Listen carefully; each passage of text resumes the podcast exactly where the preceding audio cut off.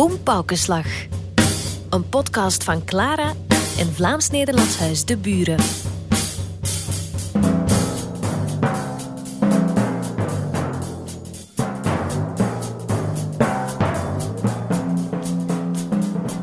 Wie Boempaukenslag zegt, zegt Paul van Ostaaien. De Antwerpse dichter die zo'n 100 jaar geleden leefde en werkte. U kent hem waarschijnlijk van op school, van zijn gedichten, Mark Groets Morgense Dingen of Melopé. Of van zijn indrukwekkende dichtbundel Bezette Stad, over Antwerpen in de Eerste Wereldoorlog. Ik ben Jawad Aloul. Ik maak muziek, theater, dans, ik schrijf, ik doe ontzettend veel. Ik noem mezelf graag een kunstenaar en ondernemer. Jammer genoeg kunnen we Van Ostaaien niet meer interviewen. Hij stierf in 1928, toen 32 jaar oud. En er is geen enkele stemopname van hem bewaard. Het gaat wel lukken als ik nu heel strak draai. Dan krijg je hem nooit meer los. Gelukkig hebben we Matthijs de Ridder. Hij schrijft de biografie van Van Ostaaien en weet alles over zijn leven en werk. En nu vraag je het aan mij, maar via mij aan Paul van Ostaaien. Hè? Ja. Eh, We laten Paul van Ostaaien in de reeks ook spreken via kunstenaars en opiniemakers van nu, die net als ik door hem geïnspireerd zijn of die op een bepaalde manier dezelfde weg bewandelen als hij.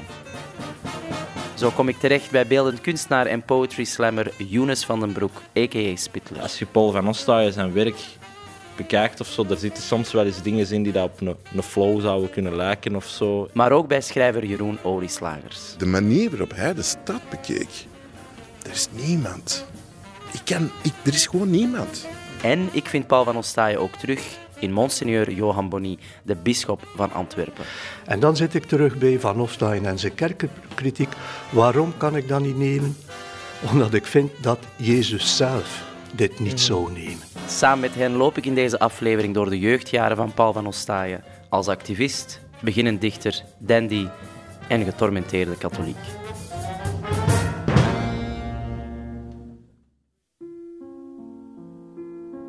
De Paul en ik, wij waren nog lovers.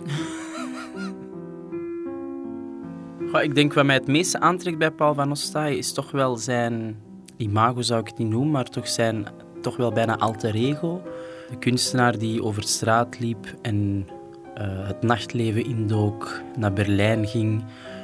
Goh, hoe zou die door die stad gelopen hebben en hoe hebben mensen daarop gereageerd? Dus dat lijkt mij soms heel onwezenlijk of zo, dat hij in Antwerpen ook gewoon heeft gewandeld.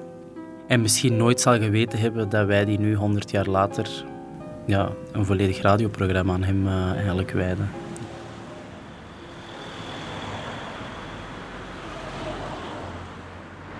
We zijn bij Matthijs. Matthijs woont in het huis van Paul van Ostaaien. Allee, het oude huis. Zelfbiografie. Ik ben geboren. Dit moet worden aangenomen, alhoewel een absoluut objectief bewijs niet is voor te brengen. Axioom in het domein van de subjectieve ervaring. Objectief is het slechts gissen. Dus zijn wij geboren. Zien, tasten, maar lachen om het weinig overtuigende van dit bewijs. Ik vraag: wie is wel degelijk geboren? Hi.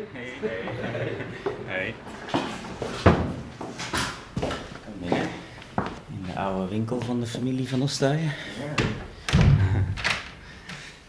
Ja, dat is potten en pannen en borstels en ik weet niet wat allemaal.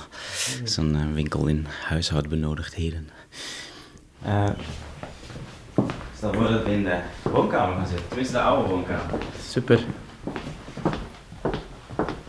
Het ruikt er ook fijn naar boeken, vind ik. Ja, dat is echt zalig. Staan er al een paar. Ja, inderdaad. Matthijs, de ridder. Joet. Merci dat ik hier langs mag komen in het geboortehuis Dat is van eh, niks. Paul van Ostaaien. Ehm, wanneer, hoe en wat, weet je exact welke dag dat, die dan, dat zijn moeder dan hier haar water brak, als het ware? Dat was 22 februari 1896. Blijkbaar om een uur of elf s'avonds. Ja, dus dat moet hier ergens in het huis zijn gebeurd. hè. Dus we zitten nu in eh, de woonkamer van de familie. Er zit nog een heel huis boven. ehm, er zit nog een keuken achter. Vroeger hield daar het huis wel op. En was er een koer. En een atelier waar de vader, die was loodgieter. Daar had hij zijn werkplaats. Aan de voorkant van het huis had je dan nog een winkelruimte. En eh, hier, ja, tussen liep dan de kleine Pol rond. Moet hier ergens boven in een kamertje zijn kamer hebben gehad. Want hoe woonde een gezin vroeger? Was dat gewoon echt, waren zij het gewoon de ouders en, en hij dan? Of woonden er nog andere mensen ook mee in het huis? De familie van Ostij was uh, groot, maar werd helaas steeds kleiner. Uh, en zijn, zijn, zus en, de, en, een broer van Van Ostij zijn uh, overleden in 1910 en 1912 aan tuberculose, waar uh, Van Ostaaije zelf uiteindelijk ook aan sterft. Maar daarvoor, in het gezin, is er nog een drieling geweest ook, voordat Paul werd geboren.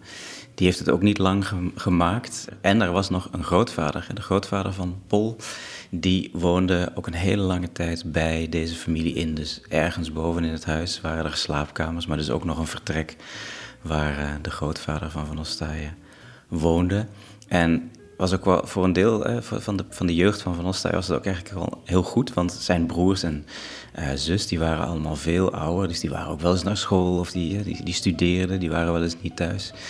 En als hij dan uh, even geen speelkameraadjes vond, dan wilde zijn opa hem nog wel eens meenemen naar het stadspark. Dat hier dus vlak achter ligt. En blijkbaar had hij een geitenkar. Ik neem altijd aan zonder geit, want waar laat je zo'n geit hier? Hè? um, En ja, dan nam hij de kleine Pol mee in die geitenkar en trok hem door het park. Ja. Uh, we staan in het Stadspark in Antwerpen, uh, onderweg naar de Nationale Bank. Of wat vroeger de Nationale Bank was. Uh, het is nu een heel groot kruispunt met heel veel auto's en trams. maar ook wel de beste koffie van de stad. We wachten op Younes van den Broek, a.k.a. Spittler. Hij is een uh, beeldend kunstenaar, uh, poetry slammer, uh, maar heeft ook zijn eigen kunststroming opgericht, het Fokovisme. En ook wel, zoals Paul van Ostaaije, een rebels karakter en grote liefde voor de stad Antwerpen. Ah, Younes is extreem herkenbaar. Zo'n grote persoonlijkheid en een gevoel voor stijl, dat, dat zie je van mijlen ver aankomen. Want je zegt, het park is hier vlakbij en de buurt. Kan je een beeld schetsen van de buurt in die periode? Ja, in deze periode is het, is het de rand van de Jodenbuurt. Hier wonen nogal wat uh, Chassidische Joden, orthodoxe Joden in de buurt. Dat was toen ook al een beetje zo, maar dat was nog net iets meer naar het uh, station. En dit was eigenlijk de eerste uitbreidingswijk van Antwerpen. Ik, uh, ik ken deze buurt zelf ook heel goed, want ik heb vroeger in Antwerpen gewoond. Maar wat mij een beetje tegenhield, is toch wel de, de tram. Ja twee trams zelfs, twee richtingen. Ja. Was dat vroeger ook al? Of, ja. Of, okay. ja, vanaf 1903 zelfs elektrisch. Amai. Ja, dus eh, de Kleine Pol heeft het nog meegemaakt dat uh, hier die bovenleiding werd uh, aangelegd. En uh, daarvoor waren natuurlijk paardentrams ook al. Hè. Dus, ja. Maar de, de, de, de, straat zelf was natuurlijk anders. Hè. Dus daar lagen klinkers op een gegeven moment ook zelfs kasseien. Dus kun je nagaan uh, wat, het, wat het dan voor geluid moet zijn geweest als er een kar met een paard, hè, dus een paard die hoeven op die kassei en dan nog eens een keer die houten wielen of met ijzer beslagen wielen over die kasseien en dan een tram erachteraan. Dus ik denk dat we nog redelijk ja, ja. safe zitten vandaag de dag met het geluid.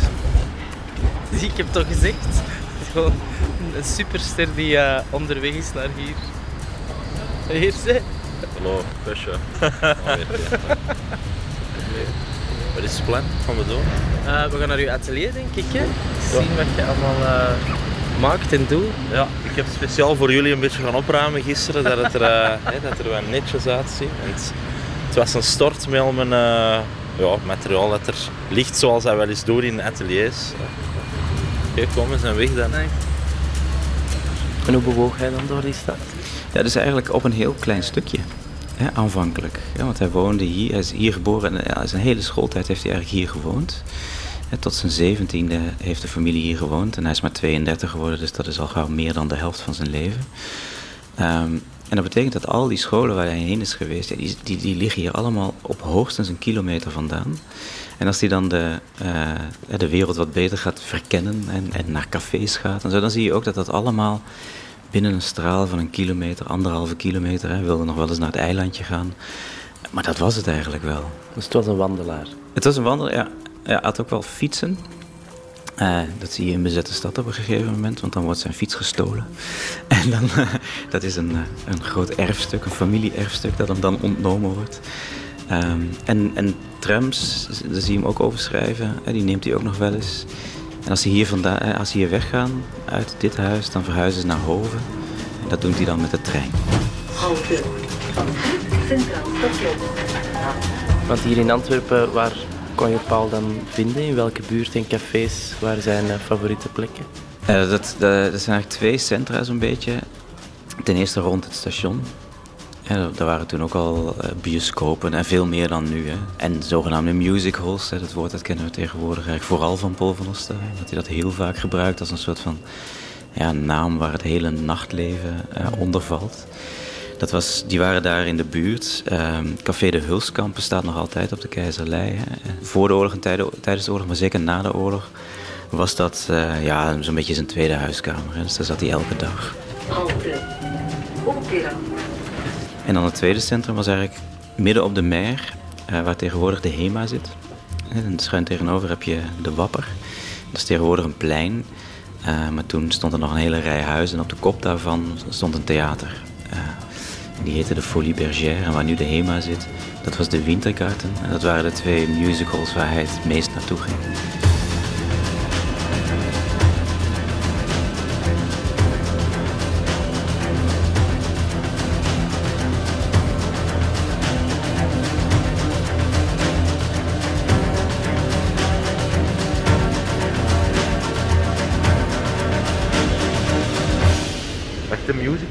Zo'n soort van discotheek vroeger, hè? Nee? Ja, cinema, ehm, waar dat ook optredens wel waren en mensen gewoon ook wel samenkwamen. Het is wel een grave periode eigenlijk wel. Ehm, omdat je toen al voelde dat mensen eigenlijk zich zo wel wilden losbreken. Wat je nu ook een beetje hebt. Hè. Ja.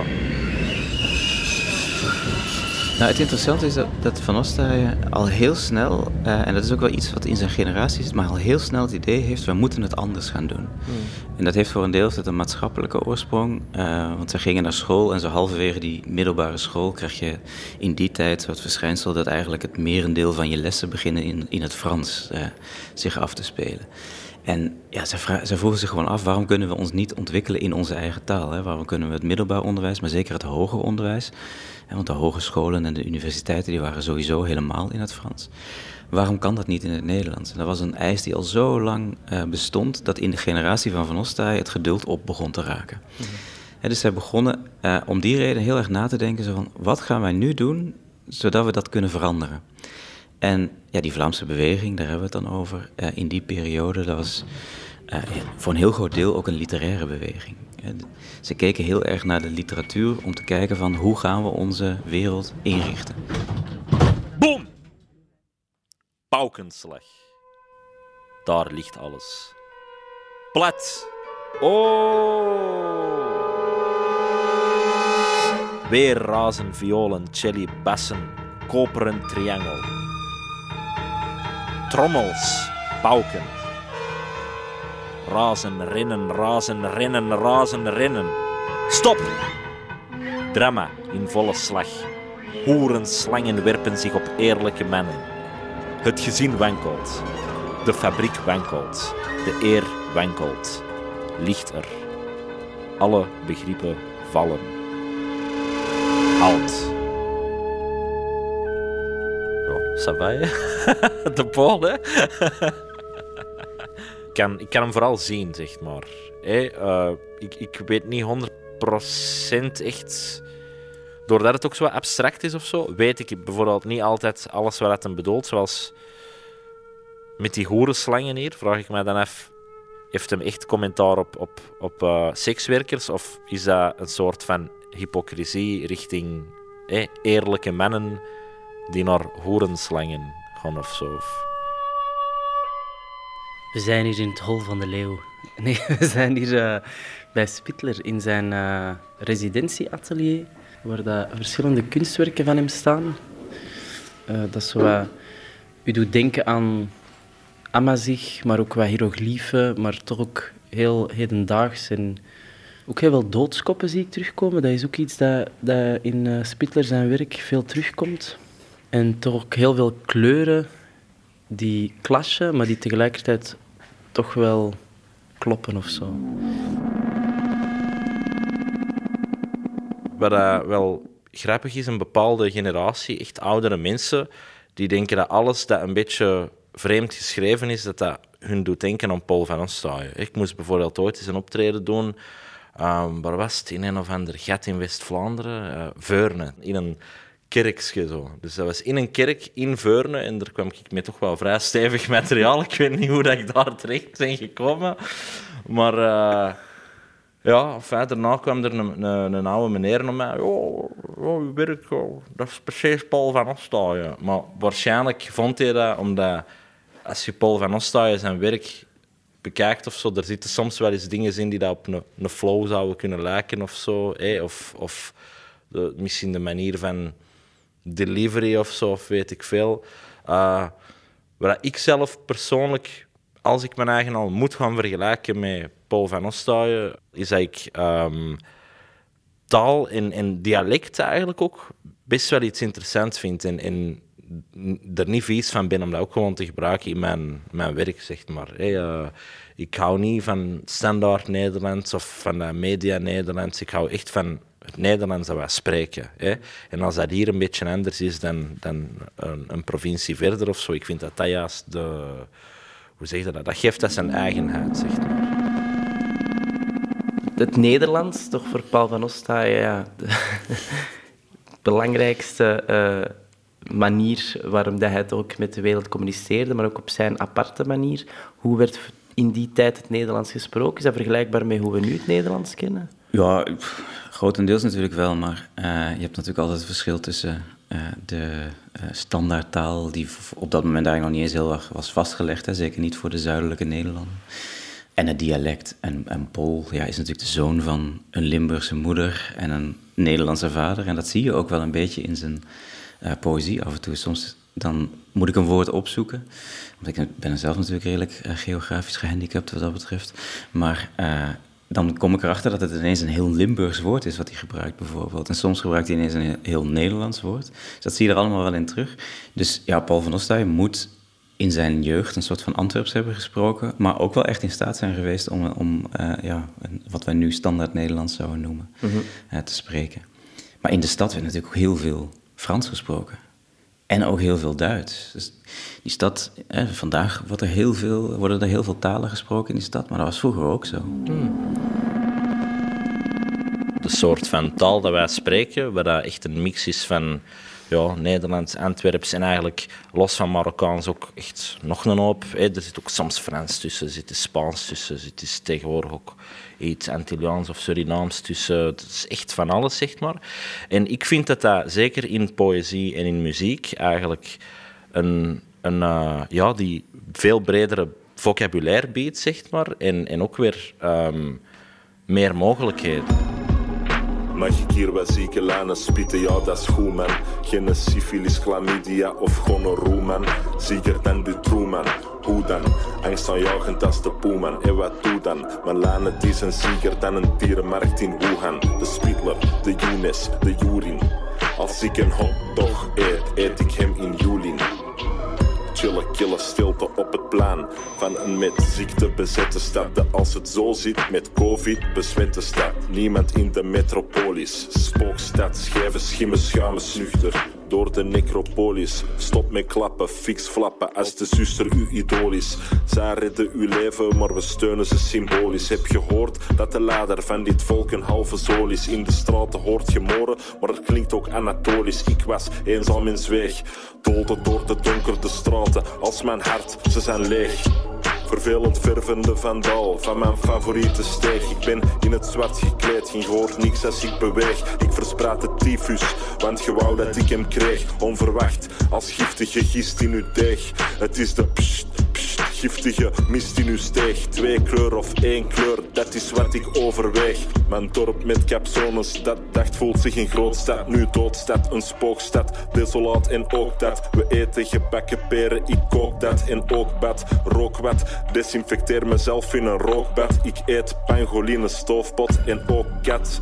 Ook rat, wilt je ook wat? Paul was ook iemand die de neiging had om beweringen op te richten of verenigingen. Ja, dat was al op zijn eerste middelbare school, uh, op het uh, Sint-Jan Bergmans College, toen nog aan de Meer. Daar heeft hij de zogenaamde Sint-Jans-afdeling, de, de afdeling van de grotere overkoepelende katholieke leerlingenbeweging. Die heette Eigen Taal, Eigen Zeden. En dus de afdeling op het Sint-Jan Bergmans College is opgericht um, een jaar voordat Van Ostaaien erbij kwam door een medeleerling. Maar in het jaar dat Van Ostaaien erbij kwam, is het echt goed opgericht. Hè? Is het onderdeel geworden van die grotere beweging. En dan zie je ook dat zijn broer hem helpt. Stan van Ostaaien helpt hem. Uh, en dan wordt Van Ostaaien ook gelijk deken, dus voorzitter van deze uh, vereniging. Het fokovisme, kan ik daar deel van zijn of hoe werkt dat? Ja, voor mijn part wel. uh, fokovisme, um, ja, ik zal misschien even zeggen wat dat is. Dat is een, een kunststroming. De fokovistische insteek is echt het, het eigenzinnige, zeg maar, en het um, u willen onderscheiden. Vooral ook willen afzetten tegen de, um, ja, de dingen die ons in de strot werden geramd. Hè. Bijvoorbeeld, ik heb heel veel uren gespendeerd met kubussen te tekenen, tafels, naakte oude mannen op, op fucking maandagmorgen, naakte vrouwen die daar scheten eten op maandagmorgen, ook heel oud. Uh, voor mij, ik, ik cringe van iets te moeten namaken, zeg maar. Ja. Ken? En dat is hoe dat dit soort manieren van schilderijen maken een beetje is tot stand gekomen. Dat was op de muren, op de vloeren, op de grond, in een, in een gigantische loods, dat wij, ik en nog een paar andere focovisten, tags opzetten, pieces opzetten. Soms zingen wij over elkaar, soms zitten wij daar vlak naast elkaar. Doe wat jij wilt doen, met, in de stijl dat je dat wilt doen, en unapologetically eigenlijk een beetje. Ik denk dat dat zo wat... Maar dan ben ik ook wel een beetje focovistisch. Absoluut hoor, want dat is het, het, het ding een beetje is. Uh, soms zie ik mensen dat ook gewoon voor mijn, uh, in mijn beleving focovistisch zijn, maar ze weten het zelf nog niet. Dat is eigenlijk het begin geweest van ja, heel veel kleine verenigingjes en clubjes, waarvan Ostaaij altijd ja, een soort van theoretische rol in heeft gespeeld. Hè. Hij, hij, was degene met de ideeën. Hij was niet noodzakelijk degene die de ideeën uitvoerde. Kunst, hè, dat is volgens mij niet per se te definiëren in dit is wel kunst en dit is niet kunst. Want er zijn doeken met twee strepen en een tuttenfruit op die dat misschien een paar duizend euro kosten, dat ik zo bij het stort zou gooien. En er zijn meesterwerken op muren die daar er worden afgespoten omdat ze vandalisme zijn, bij wijze van mm. spreken.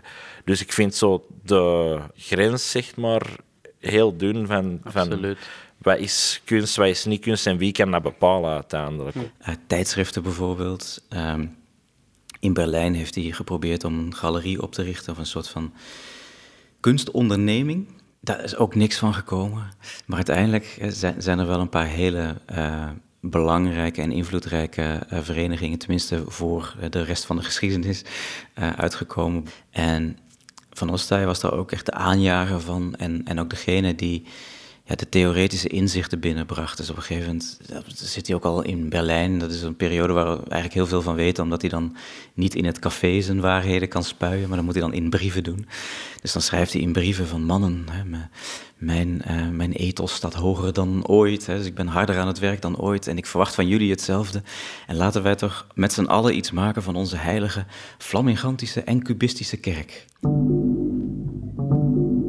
Daar wij wensen met heet verlangen. Zoals onze zorgen het verlangen dat het cubistisch geloof bloeien en gedijen. Bijzonder in deze oorde van ongeloof en zedeloosheid. Daar wij willen dat de cubistische kerk steeds breder maken haar grenzen. Zo verklaren wij uit vrij besluit en opnieuw het volgende. Dat waardoor worden uitgeroeid alle ketterij en overblijfselen van het vroegere heidense impressionistisch geloof. er zit een enorme berg van ironie overheen. Maar daar zie je weer datzelfde idee van we moeten met de kunst de wereld gaan veranderen. Hmm. En dat geloofden ze ook echt. Hè? Uh, en daar waren die clubjes heel erg belangrijk uh, voor. Want Van Ostaaien kon natuurlijk die ideeën wel in zijn eentje de wereld insturen. Maar ja, je gaat met een clubje al moeilijk de wereld veranderen en je eentje al helemaal. En dus hij had ook die, die medestanders wel echt nodig daarvoor. Geloof jij dat je met kunst de wereld kan veranderen? Ik hoop het nog altijd, maar ik geloof het misschien niet helemaal.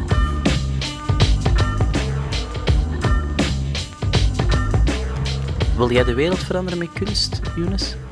Ehm, ik vind sowieso, als ik van mijn eigen zou denken dat ik, dat ik de wereld ga veranderen met kunst, zou ik een beetje naïef vinden van mijzelf. Het gaat, en dat, dat is, ik vind dat een moeilijke vraag. Waarom? Omdat kunst in mijn geval wordt gemaakt met verschillende motieven, zeg maar.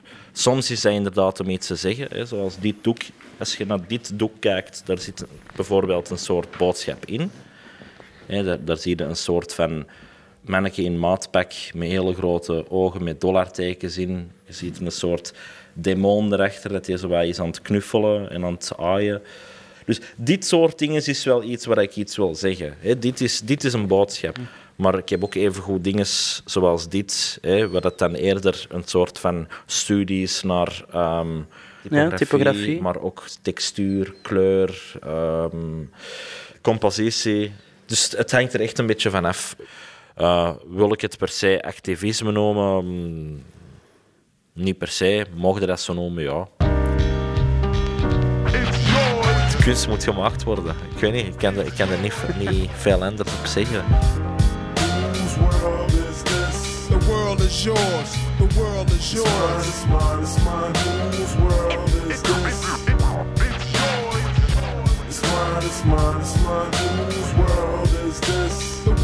yours. The world is yours. It's mine, it's mine, it's mine. I sip the Don P, watching Gandhi till I'm charged and writing in my book of rhymes. All the words past the margin. The whole of mic I'm throbbing. Mechanical movement, understandable smooth issue that murderers move with. The thief's theme. Play me at night, they won't act right. The fiend of hip hop has got me stuck like a crack pipe. The mind activation, react like I'm facing time like Pappy Mason. With pins I'm embracing. Wipe the sweat off my dome, spit the phlegm on the streets. Sway Tim's on my beats, makes my cipher complete. Weather cruising in a six cab. I'm on Tarot Jeep, I can't call it. The beats make me falling asleep. I keep falling, but never falling six feet deep. I'm out for presidents to represent me. Say what? I'm out for presidents to represent me. Say what? I'm out for dead presidents to represent me.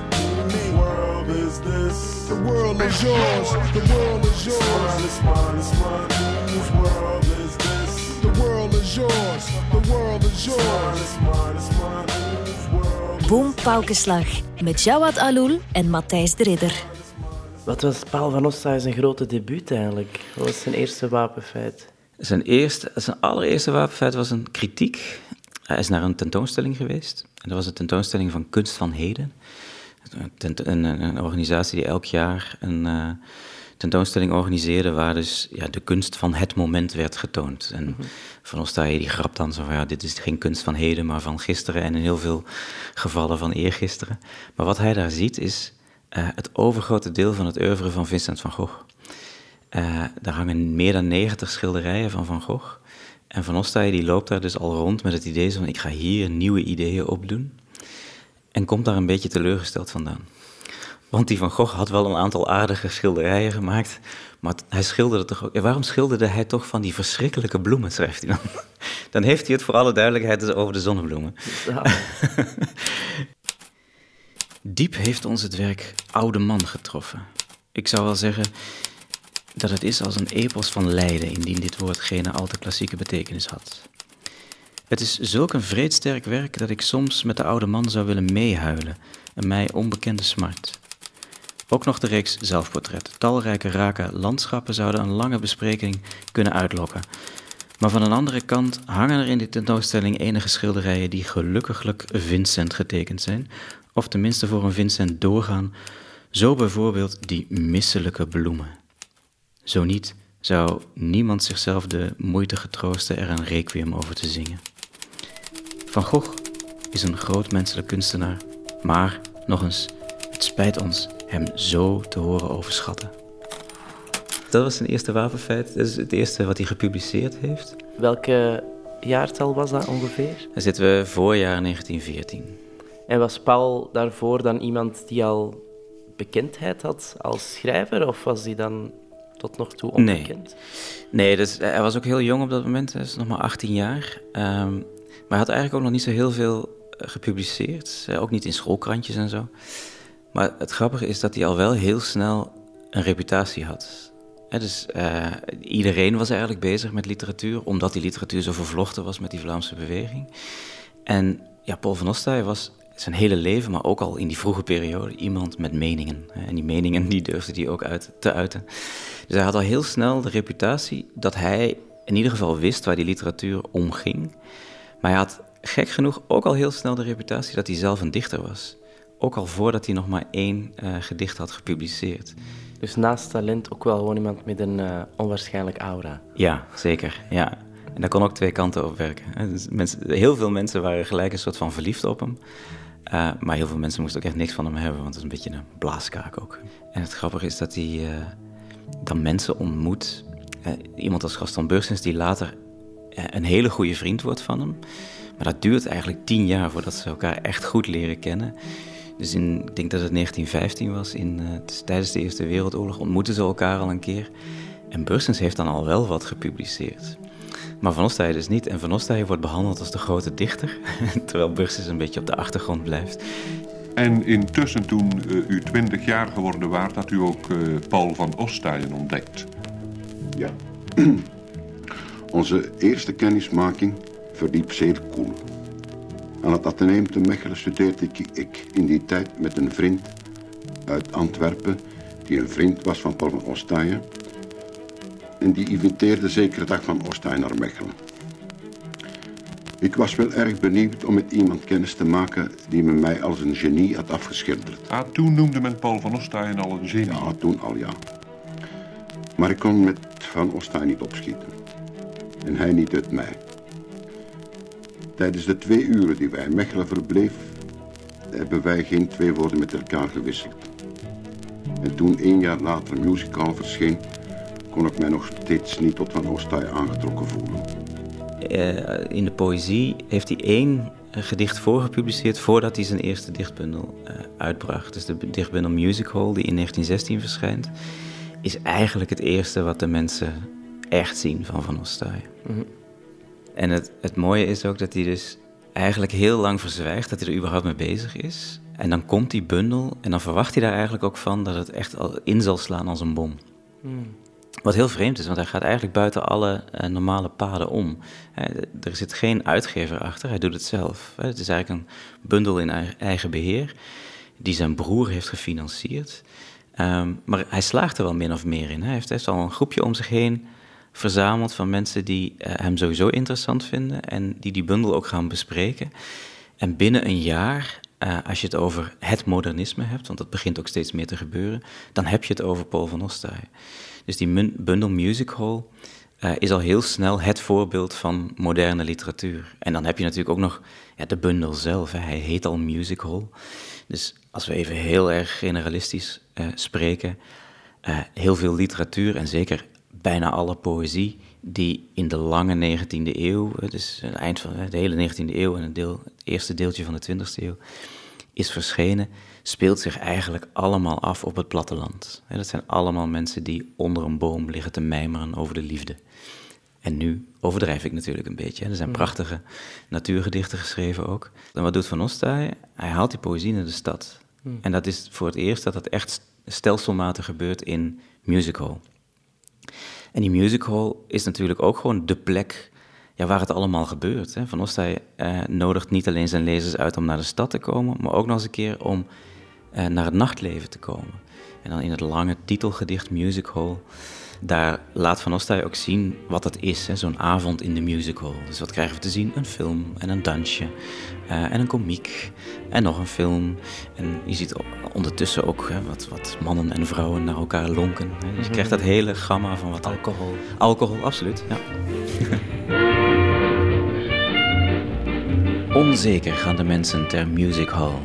Onzeker staan de mensen in de zwarte zaal. Maar plotseling, bont en klaar, schijnen de lampen en stralen over de zaal. Hun schitterende, schetterende praal.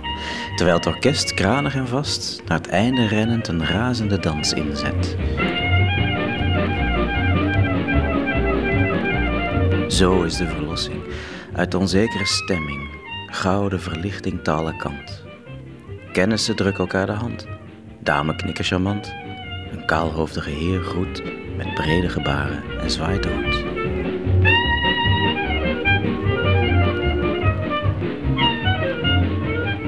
Heeft hij de erkenning gekregen ook tijdens zijn leven, zoals hij nu de erkenning krijgt? Niet zoals nu, Nee. maar hij heeft wel herkenning gekregen. Dus het was al heel snel duidelijk dat er iets bijzonders gebeurde. Eh, ook bij mensen die hem niet zo nodig waardeerden, omdat het oudere mensen waren die eh, eh, eigenlijk een ander soort van literatuur zouden willen zien. Maar die wel zagen van ja, ja die Van Ostaaij die kan wel wat. Hè. En dus ook eh, de recensies op zijn eerste bundel eigenlijk al van mensen die wat ouder waren, die zijn helemaal niet zo negatief. In ieder geval niet zo negatief als Van Ostaaij het zelf wel eens heeft doen voorkomen. Maar dat blijft wel beperkt op dat moment bij een heel klein clubje. En dat is, ja, kan ook bijna niet anders. Hè. Als je zo'n stap vooruit zet in de poëzie, eh, ja, dan gebeuren er dingen in de receptie die eigenlijk altijd gebeuren. Mensen zeggen van, aan de ene kant zeggen ze van, ja, wat is dit? Ik snap het niet, want het is nog nooit gebeurd. Maar eigenlijk, wat, wat er vooral altijd gebeurt, is dat mensen zeggen van, ja, maar dit hebben we al een keer gezien. Terwijl ze het nog niet hebben gezien. En, eh, en bovendien is het slecht geschreven.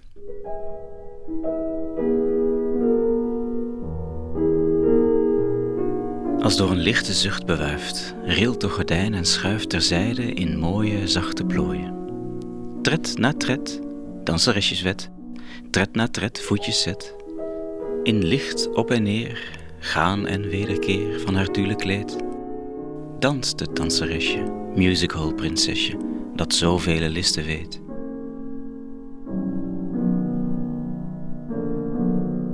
Listen in het glinsteren der ogen, koolbestreken twee zwarte bogen die omkransen geheimenis en logen. Listen met de voeten, eventjes de grond beraken moeten, dan weer leven, leven in het even, trillend, rillend, zweven van het tulenkleed. Een oude heer kijkt scherp toe en ongeduldig. Zijn blik wijkt van het toneel geen ogenblik.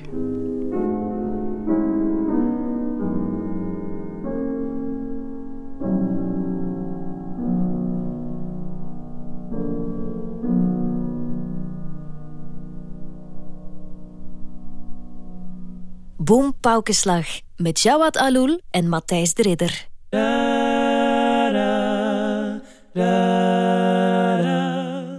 Paul van Ostaaien is, ik denk in school eigenlijk al eens gepasseerd, maar echt gebetoneerd eh, is eigenlijk eh, voor een opdracht, voor de buren eigenlijk. Ik kreeg een tekst waar ik een, eh, een, een nummer van moest maken. Niet van die tekst, maar waar ik een interpretatie moest maken van, van die tekst. Music Hall 5 was de tekst waar ik me op moest baseren.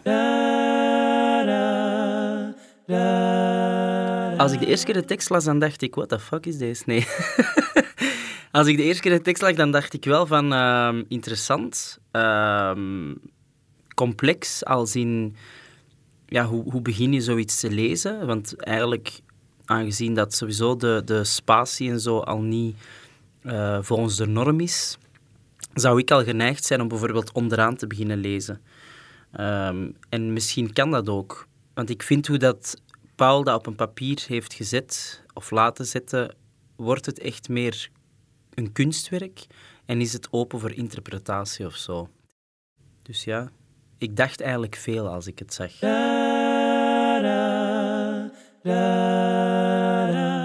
En ik wist ook niet of ik het goed vond of slecht vond, of interessant vond of waardeloos. Eh, maar iets dat bij mij wel getuigt van kunst. Dat mij dat gewoon doet denken en doet twijfelen ook aan de regels van de taal die ik dan ook eh, heb of zo.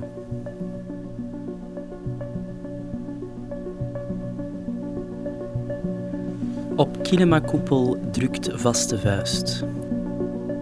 En de mensen wringen hun vuist en spannen hun schoft tegen de kinemakoepel, de vaste vuist. De plakaten veranderen in dreigende tormenten. Les vaches, les vaches. Kom kleine Jeanne, Coco, hoor je hart, je bloed, je wegzinken. Hoe alles wegzinkt rond je. En enkel het razen, ratelen van je kino, je dynamo, je hart. Quand je suis grise, het schommelen van de schuit, die vergaat, die verzinkt, die zingt, gezonken. De hand wurgt. Jean, ik, de andere schamele schooiers. Dus daar heb ik mij op gebaseerd.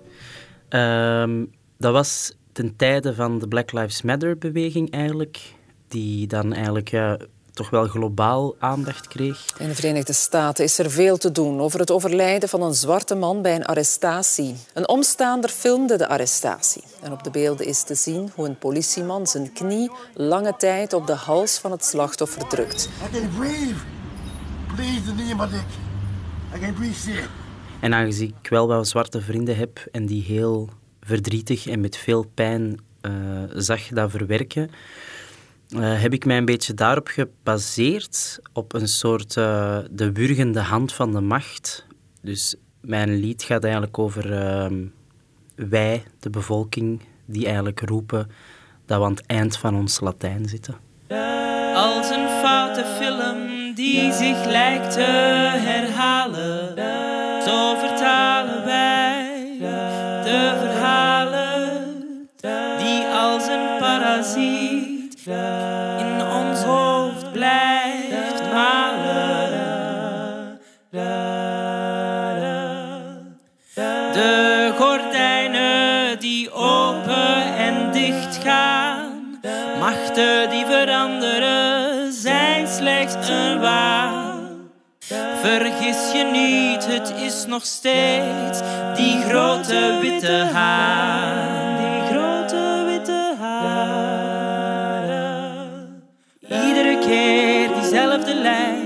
Weg met al dat blauw gezwijn. Genoeg van al die schone schijn, luister nou naar onze pijn. Iedere keer diezelfde lijn, weg met al dat blauw gezwijn. Genoeg van al die schone schijn, luister nou. Sta recht en bal je vuist, kom op voor wat is juist. De tijd vraagt ons te spreken, om met het verleden te breken. Sta recht en bal je vuist, kom op voor wat is juist. Samen tegen onrecht en pijn, nood breekt wet aan het eind van ons Latijn.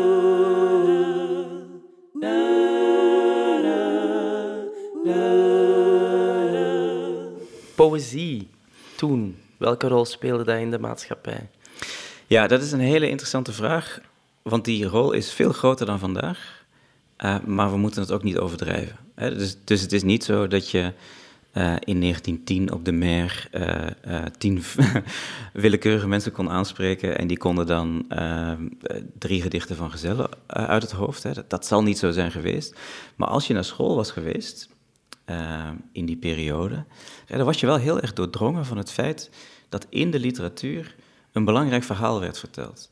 En dat hè, jouw eigen taal, dus, we gaan er even vanuit dat we Nederlandstalig zijn, uh, dat jouw eigen taal ook voor een heel groot deel wordt ja, gepromoot, laat het maar even op zijn hedendaags zeggen, door die literatuur. Dus die literatuur, die was, dat was eigenlijk het grootste uithangbord van de Nederlandstalige cultuur dat er was.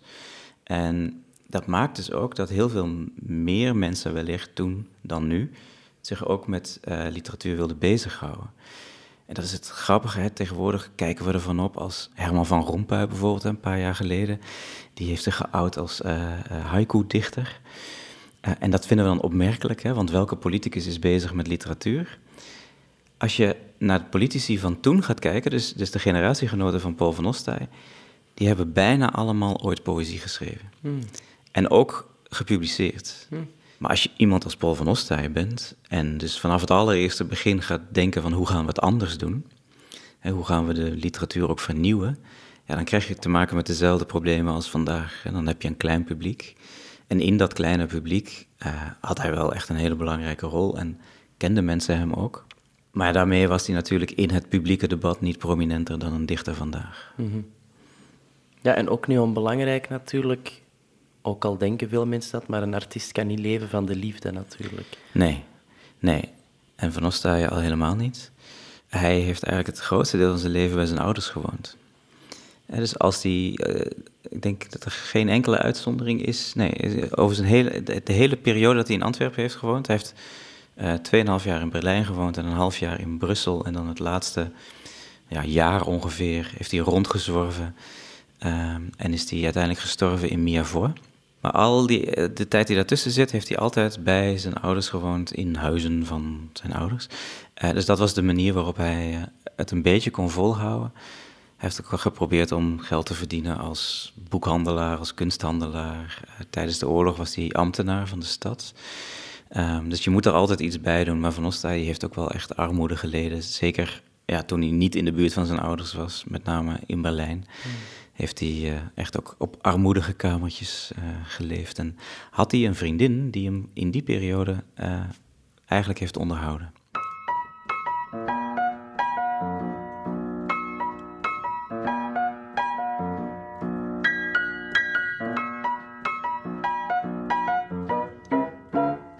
Het was wel iemand die ontzettend veel met zijn uiterlijk bezig was. Ja, en dat was eigenlijk vooral die periode vlak voor de Eerste Wereldoorlog en tijdens de Eerste Wereldoorlog. Uh, toen werkte hij dus op het uh, stadhuis en woonde hij thuis. Dus hij had een inkomen, maar had niet heel veel uh, kosten.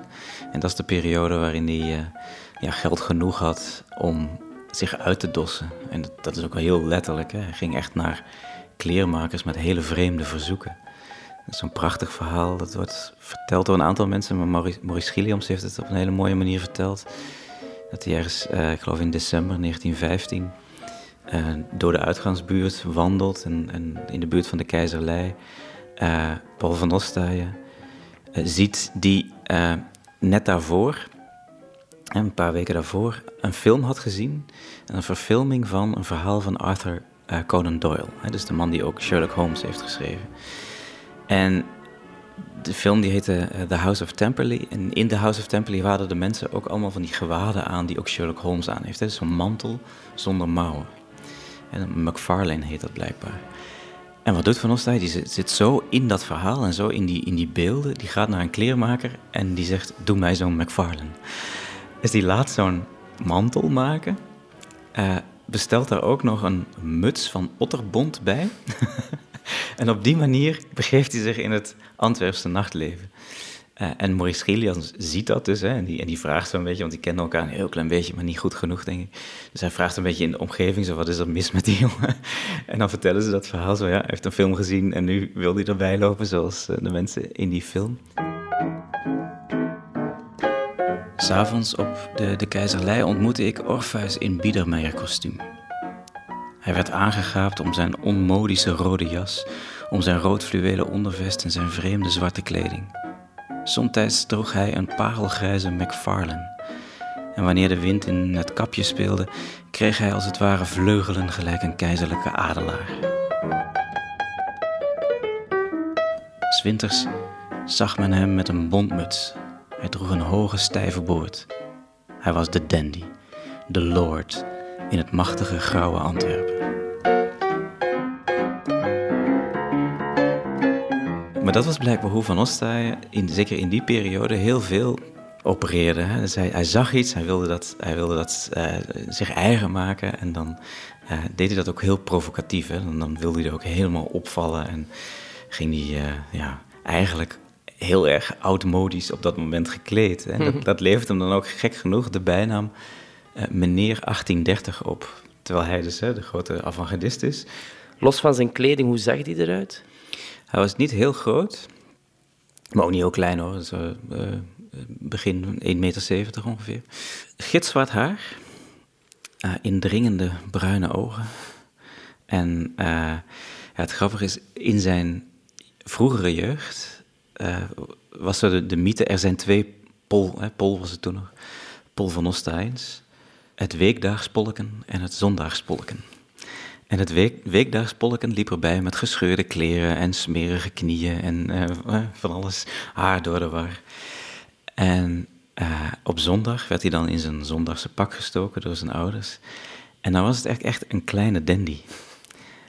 En dat heeft te maken met het feit dat zijn ouders een grote sociale ambitie hadden. Hè. Die zijn begonnen als handwerklieden, maar die wilden heel erg graag deel uitmaken van de gegoede burgerij.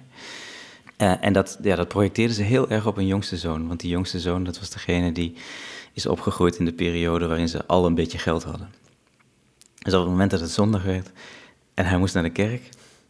Dan zag hij er ook echt uit als een, uh, ja, een jonkheer die toevallig van zijn paard was gestapt op het moment dat hij een ritje door zijn landerijen aan het maken was. En het grappige is dat het is een soort van stigmatisering hè, van jij bent onze kleine prins. Dat is Mhm. eigenlijk wat zijn ouders zeggen. Maar Van Ostaaien die houdt dat wel een beetje vast. En dus hij wilde natuurlijk in zijn ja, in, in, de kunst die hij al wilde gaan maken, wilde hij opvallen. Maar dat trok hij ook door naar ja, de persoon die hij in het openbare leven was, of wilde zijn. Hmm. En ja, het grappige is dat je daar dan ook wel weer commentaar op leest.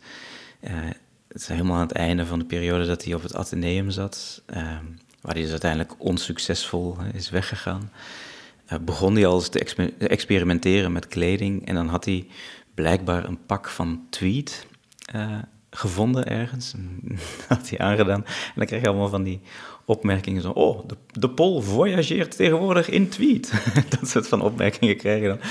Eh, en ja, in eerste instantie laat hij zich daar een heel klein beetje door intimideren... maar later dan, dan pakt hij dat echt op zich. Hè. Dan denk je van, ja, maar dat is de reactie die ik eigenlijk wil uitlokken. Dat is echt heel, ehm, heel vergelijkend bij mij eigenlijk, toch Ja? wel. Ja, omdat mijn ouders zijn uit het platteland gekomen in Marokko. En hadden ook een heel grote sociale ambitie. Want ja, die komen echt van het platteland, geen water, geen elektriciteit. Ik ben de achtste. Ja. Dus tegen dat ik er was, dan hadden zij ook al eigenlijk... eh waren ze al omhoog op die ladder. Ja. Dus ik herken daar echt ontzettend veel van. Ik werd er zelfs emotioneel van, want mijn beide ouders zijn overleden. Ehm, ik ging dan op vrijdag natuurlijk als een kleine prins Ja, ja. mee naar de moskee. Dus dat was echt heel... eh, dus dat verklaart ook misschien mijn drang om, eh, En, wa- en wat- om altijd als een koningin door de straten te lopen. En kun jij je nog herinneren wat je eerst, eerste extravagante uitdossing was die je hebt geprobeerd? Goh, bah, die mijn ouders mij hebben opgedrongen bij mijn besnijdenis. Want Echt, hè? d- ja, alleen al daar zie je de, de sociale klasse bijvoorbeeld. Want ofwel draagt het jongetje gewoon een eenvoudige witte djellaba, Ja. ofwel is dat ook echt blauw, groen, goud geborduurd. En, en, Ja, eh, dus daar zie je ontzettend veel, vind ik, in de Marokkaanse cultuur, op de manier waarop wij feest vieren en Ja. ons kleden, waar je op die sociale ladder eigenlijk bent. Ah, en jij had zo'n Dat was, blauw eh, goud geboeteerd. Ik was all the way. Ja. Mini drag queen eigenlijk zo. maar, maar ik doe het eigenlijk...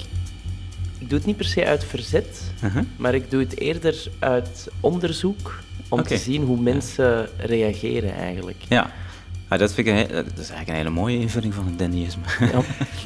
Ook dat onderzoek, je, je lokt natuurlijk iets uit. Hè? Je, je kijkt inderdaad wat, wat mensen doen. Eh, en dat is ook wat Van Ostaaien heel erg merkte, denk ik, op een gegeven moment. Hè? Als ik dit aandoe, dan krijg ik andere reacties. Mhm. Eh, en dat heeft hij aangezet. Hè? Dat heeft hij, die knop heeft hij steeds verder opengedraaid. Mhm. Ja, ik vraag bij mij soms af wanneer dat die knop misschien. Zo, all the way up to 11.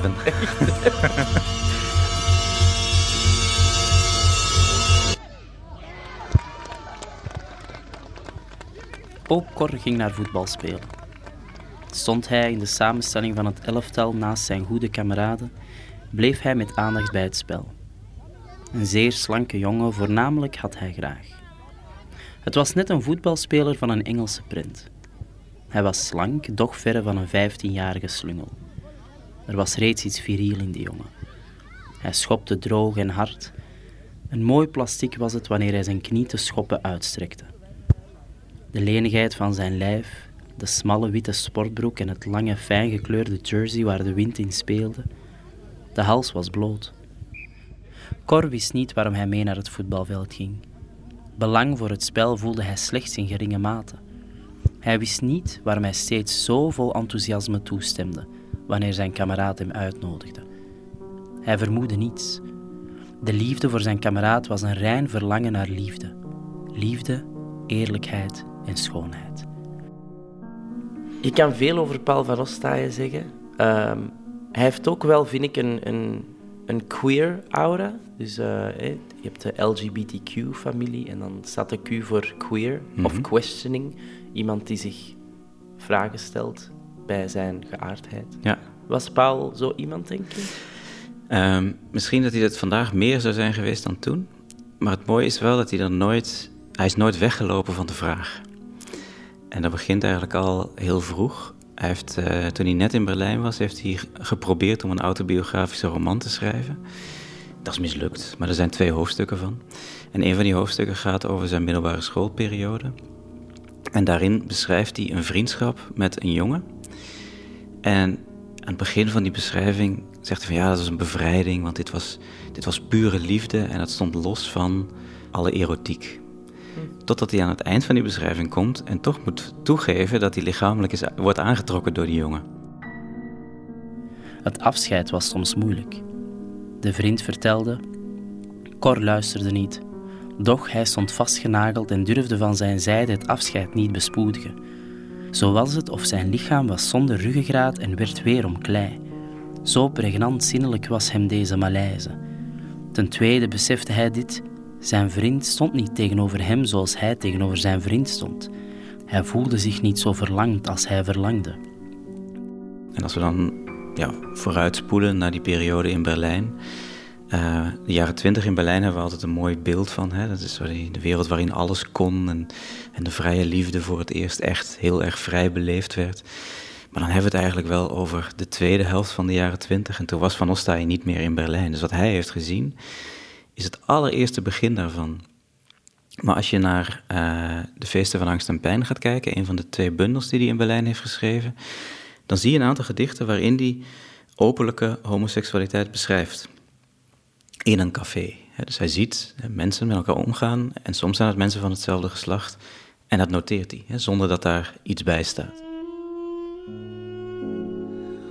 Aftobben, uitmergelen, wat blijft, wat vergaat. Ritme van kamp en flits zijn. Ben ik ten einde van deze worsteling? Ik weet, zo is het begin. Mijn God, zijt gij een Heer, ben ik een Heer. De bar dansen homo's tot leven. Lesbisch lui zijn blootheid van mijn borst. Koets rijdt dwars door mij. Vrouw lachen, de wondere geilheid van haar kanakkenzijde knieën. Het wilde snijden van haar sikkelbeen in mijn begeerte. Destinée, hésitation, valse. Is dit het ritme van mijn ganse gaan? En plots verstart staan daarin de homo's dansen flitsgebaar drift. Doorheen mijn flauwe dagen kanakkenzijde sikkelbeen als epitaf een grammofoon. Destinée, hésitation, vals. Te midden zwakke blaren. Laat mij huiswaarts gaan, in zwakke vroeging, dat ik u liet gaan. Maar dat is ook het bijzondere van, zo'n, van zijn geest. Is die, hij was altijd bezig met het maken van kunst en het, en het begrijpen van de wereld via kunst. Dus hij was ongelooflijk geïnteresseerd in alles wat met, ook, ook liedjes hè, die, in cafés werden gezongen, over de onderwereld. Alles wat daarmee te maken had, vond hij interessant. Maar wel om ja, dat onderzoek gedaan te hebben, om vervolgens uitzicht te houden op een andere wereld, een betere wereld. Maar je spreekt toch wel over in bepaalde milieus? Ja, Want in de hè, dus jaren dit, 20 ja, dus dit gaat echt over het, eh, ja, over het nachtleven. Je gaat niet... het nachtartiestenleven, Ja, dus waar mensen sowieso al Ja. niet conform de norm waren. Want voor Ja, de maar goed. lijkt mij toch de jaren 20 Ja, nee, ja, goed. In, in de jaren twintig heb je, je hebt de, de, gay twenties, eh, of de roaring twenties, maar de gay twenties, die de term die bestaat ook. En gay betekent daar wel vrolijk. Hè. Eh, maar alles kon eh, op een bepaald moment op bepaalde plekken, dat is Mhm. waar. En maar zeker in Berlijn in de latere jaren twintig eh, waren die plekken wel heel erg talrijk. Je Mhm. moest dat niet doen onder het raam van eh, de, de Rijkskanselier. Hè. Dat, moest, dat moest je niet doen. Maar er waren heel veel cafés en, en dansgelegenheden waar het wel kon. Er waren ook heel veel clubs die werden opgericht. En het allereerste begin daarvan zie je eigenlijk in de Feesten van Angst en Pijn. Of zie je in ieder geval dat, dat Van Ostaaij dat heeft gezien. En hij vindt dat ook echt interessant eh, persoonlijk. Hij heeft een vriend op dat moment eh, in Berlijn, is de schilder Frits Stuckenberg. En Stuckenberg, ja, het is, is denk ik in seksueel opzicht ook een beetje een fluïde eh, figuur geweest. Die, hij had ook wel een oogje op Emmeke, hè, de vriendin van, eh van Ostaaien. Maar er zijn momenten in die briefwisseling tussen Paul en Frits... dat je denkt van, gaat deze vriendschap niet net een stapje verder? Mhm. Hè, En, dat, en dat wordt op een gegeven moment ook wel eh, een heel klein beetje gethematiseerd... al is het heel onvloerst. Maar Van Ostaaij schrijft in ja, zijn beroemde vers 6, hij heeft er ergens een regel in staan, eh, ik durf geen homoseksuele brieven te schrijven. En die, die regel die streept hij door. Hm. Ja, maar hij is, daar, hij is daar. Ik denk niet dat hij, eh, dat hij echt biseksueel was eh, in zijn geaardheid. Voor zover je dat kunt inschatten, natuurlijk, 100 jaar later. Why must you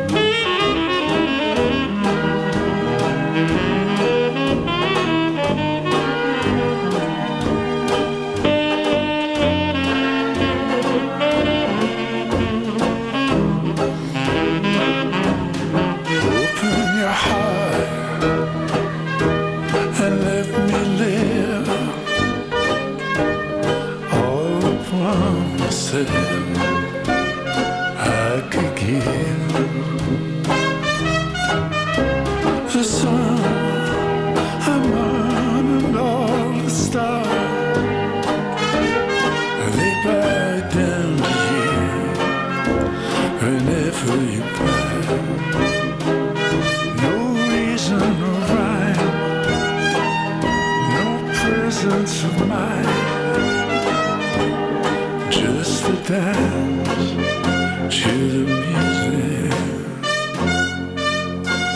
of time. Boom Paukenslag met Jawad Aloul en Matthijs de Ridder. Hoe reageerde Paul zijn familie op Paul zijn? ja, dat is inderdaad nog een hele andere categorie. Paul zijn. Ehm, de- niet zo goed eigenlijk. Nee. ehm, want ze hadden, ze hadden een hele grote sociale ambitie. En dat betekende ook dat zij vonden dat de situatie waar ze zelf in hadden verkeerd en die ze beter hebben gemaakt, dat die voor de volgende generatie nog beter zou moeten zijn. Ehm, dus zonder dat ze daar waarschijnlijk echt heel expliciet op hebben ge- eh, aangestuurd, hadden ze wel ideeën over wat hun kinderen moesten gaan doen in het leven. Zijn oudste broer ging priester worden. Eh, de broer die daaronder zat, die heeft een handelsopleiding gedaan. Zijn zus is op een gegeven moment uh, naar de Sorbonne in Parijs gestuurd. Wat dat precies betekent, daar ben ik eigenlijk nog niet achter. Maar ook daar, hè, ja, ze moest wel iets met haar uh, geestelijke capaciteiten gaan doen. En Paul uh, moest en zou een college doorlopen, hè, dus Grieks en Latijn doen. Met het idee van, ja, dan, daar kun je advocaat mee worden of dokter of zoiets. Hè. Dus dat soort van ideeën hadden ze over die kinderen. Zijn oudste broer is vroeg gestorven. Die heeft wel degelijk voor priester gestudeerd. Uh, Stan, hè, de broer die het belangrijkste voor Van Ostay is geweest, uh, is bankier geworden, dus die is daarin geslaagd. En dan was Paul, ja, Paul heeft zijn, zijn middelbare school nooit afgemaakt. En ging vervolgens, uh, hij had een, een, baantje bij de stad, dat was dan oké, okay, dan verdiende in ieder geval iets. Maar ging dan dichter worden. En dat heeft hij ook gewoon heel lang niet verteld. Uh, en op een gegeven moment wisten ze natuurlijk wel dat hij met, met literatuur, met boeken, met schilderijen op een gegeven moment bezig was. Hè. Dat, hij hield het niet helemaal verborgen. Maar toen uh, Paul stierf in 1928, kwamen er van allerlei kanten uh, condoleancebrieven naar de vader. Hè. Dat is eigenlijk de enige die nog leefde toen. En die vader die heeft toen gezegd, van, ja, dat, dat, heb ik allemaal niet geweten, hè, dat hij zo belangrijk was. Ah. Ik moest banketbakker worden van mijn moeder. Ah. En ben ik ook geworden. Ja. Ja. Maar dan kun je, ik heb toch hele extravagante taartjes maken. Maar ik heb daar een heel rijke carrière in gehad. Hè. Ik heb zelfs de wereld rondgereisd, Parijs, oh, Canada en Hongkong. Ja. ja, maar ja, dat was niet mijn uiteindelijke passie. Hè. Dus, uh... Maar ik begrijp wel dat Paul voor zijn ouders natuurlijk wel uh, het geheim hield dan. Deed hij dat? Ja, min of, meer, min of meer. Of ja. toonde zij ook dan ook gewoon geen interesse? Dat ook, dat ook zeker. Die konden daar helemaal niet mee om. Zeker omdat zijn ouders waren allebei katholiek. Zijn moeder was heel erg katholiek, hè, dus heel erg religieus. En uh, hield hem ook regelmatig voor dat er eigenlijk maar één taak was in het leven. En dat was leven naar de wil van God. En die wil van God, ja, dat, dat zie je wel vaker. Hè, die, die, wordt heel snel aan een soort van economisch ideaal gekoppeld. Wie is God? Wie is, ja. Geen idee. maar, die, maar, die, wil wat. En, en, sommige, en sommige mensen die uh, lopen erachteraan. Uh, maar voor Paul was het dus eigenlijk de bedoeling dat hij ook ja, dat hij een braaf leven zou leiden. Dat hij succesvol zou zijn in het leven. En daar ook een zekere zuiverheid bij betrachten. Hmm.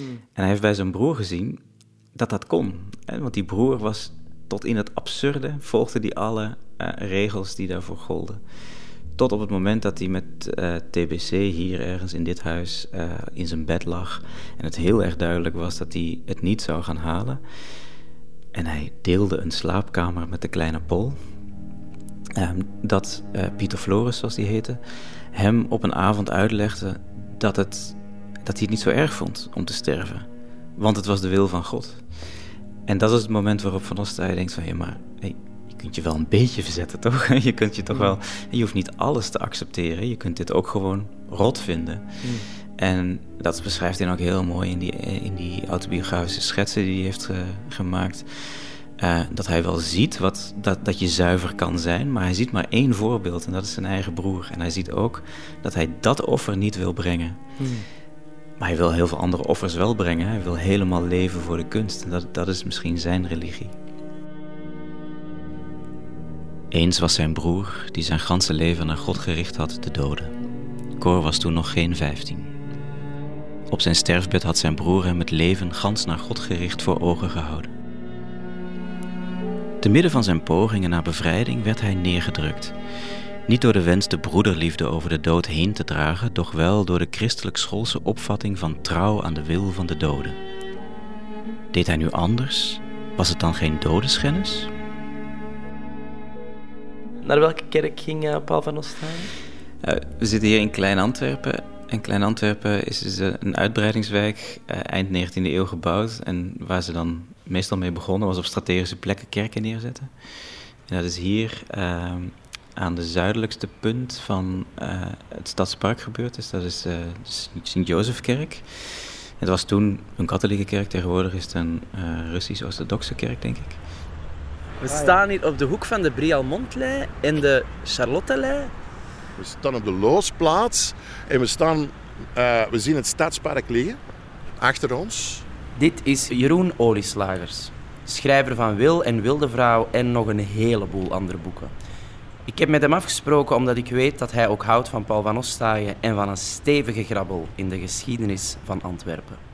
Maar waarom staan we hier? Dat zal toch iets met Paul van Ostaaien te maken hebben, hè? Ah, kijk. Ding, ding, ding, ding, ding, ding, ding. Blijkbaar is het hier de Russisch-Orthodoxe kerk. Uh, voordien de Sint-Jozefkerk. En dat was ook de parochiekerk van Paul van Ostaaien. En dat was de kerk waar eigenlijk alles in de familie zo'n beetje gebeurde. Hè? Dus de ouders van Van Ostaaien zijn er getrouwd. Uh, Paul moet daar zijn gedoopt. En de kinderen zijn daar gedoopt. Dus heeft hij dan ook echt gewandeld, gezeten, Die heeft gebeden? zijn communie gedaan. Zo'n communie waarschijnlijk. Ah. Ja, ja. Dat zijn parochiekerkjes. Deze communie, plichtige communie. Heb jij je communie Ja, ja, ja. Ik heb mijn eerste en plichtige nog gedaan, ja. Ja, ja, ja. Ja, fantastische ervaring, echt. Ja, geweldig. ik niet. Ik heb mij laten besnijden. Alleen moeten besnijden. Oké, we hebben altijd, we hebben allemaal iets. Echt, hè? Maar eh, wat weet je eigenlijk over de Paul? Hij is indrukwekkend als persoon, hè. Ik bedoel, het leven dat hem geleid heeft en de radicaliteit ervan. Maar wat ik wel opvallend vind, als ik erover nadenk, is dat het eigenlijk een beetje de Frans Kafka is van Antwerpen.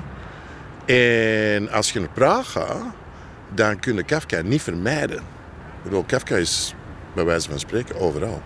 En Paul van Nostra is nauwelijks aanwezig in Antwerpen. Buiten dat standbeeld, daaraan, nou, die zitten Minderbroeders Eh, of ja, Minderbroeders ja. eh, daar ergens. Zeker. Ik bedoel, ze zijn toch altijd bezig met city marketing en whatever. Maar deze is toch de meest, de meest fascinerende figuur. Ik, ik kan me niet direct een andere schrijver of dichter voor de geest halen die zo complex is, die, die zo geschreven heeft over de stad. En die ook ontzettend, wat mij dan aantrok aan hem ook, is eh, toch wel bezig was met zijn appearance. Hoe dat hem overkwam en zijn kleding. Iets wat dat jij toch ook wel een beetje... Jij toch ook een Ja, beetje? maar jij is ook een fashionist. Hè? Ja, ja, ja, absoluut. absoluut. I follow my own rules, maar, maar dat is wel zo. Denk ik wel. En ook voor eeuwig jong. Hè. Hij, is, hij is eigenlijk gestorven op jonge leeftijd. Hij is opgesloten. Daardoor in heel dat zoeken nog. Hè. Dat zoeken kenmerkt hem heel een tijd. Hij, is, hij probeert in het begin, gevoelt dat ook wel, dat hem, dat hem, dat hem kunstbroeders probeert zo ver te krijgen om op zijn niveau eh, te komen en, en, en een, nieuwe samenleving uit te bouwen. Maar dat gebeurt eigenlijk niet echt. Dat kennen we. We kennen die shit. Ik bedoel, dat is echt zo typisch. ik heb het ook meegemaakt. Ik, weet ik, al, ik heb ook dat soort ideeën gehad. Om, om, en gevoeld dan dat je er eigenlijk helemaal alleen staat te brullen met een vlag in de hand, bij wijze van spreken. En er staat niemand achter u. Dus, dus je zo- je- Story of my life. Ja, voilà. Dus we kennen het. Dus De broer van Paul is hier ook begraven in deze kerk. van de priester. Van de priester. Aha.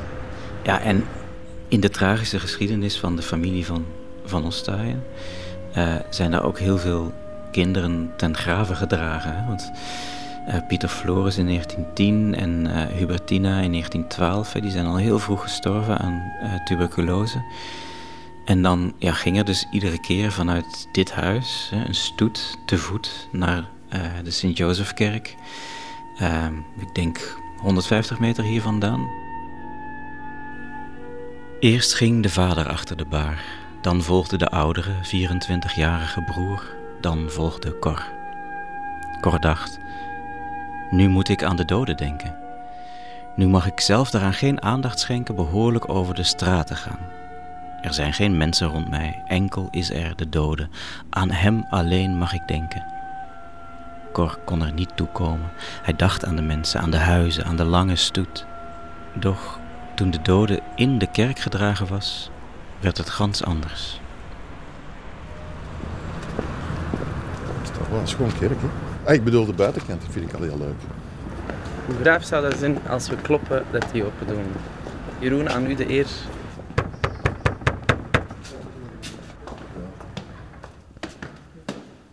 En dat geloof, dat was dan nog één ding. Maar Van Osten, Paul, die zag de praktische uitvoering van dat geloof. En dat was allemaal zo hypocriet voor hem, dat hij niet snapte dat je je kon opofferen aan dat instituut. Dus die, die gang naar de kerk was aan de ene kant troostend, want hij, eh, hij voelde dat ritueel wel. Dat schrijft hij ook op een gegeven moment als er eh, een dodenmis was, dan, dan voelde hij voor even dat de gemeenschap inderdaad één lichaam was.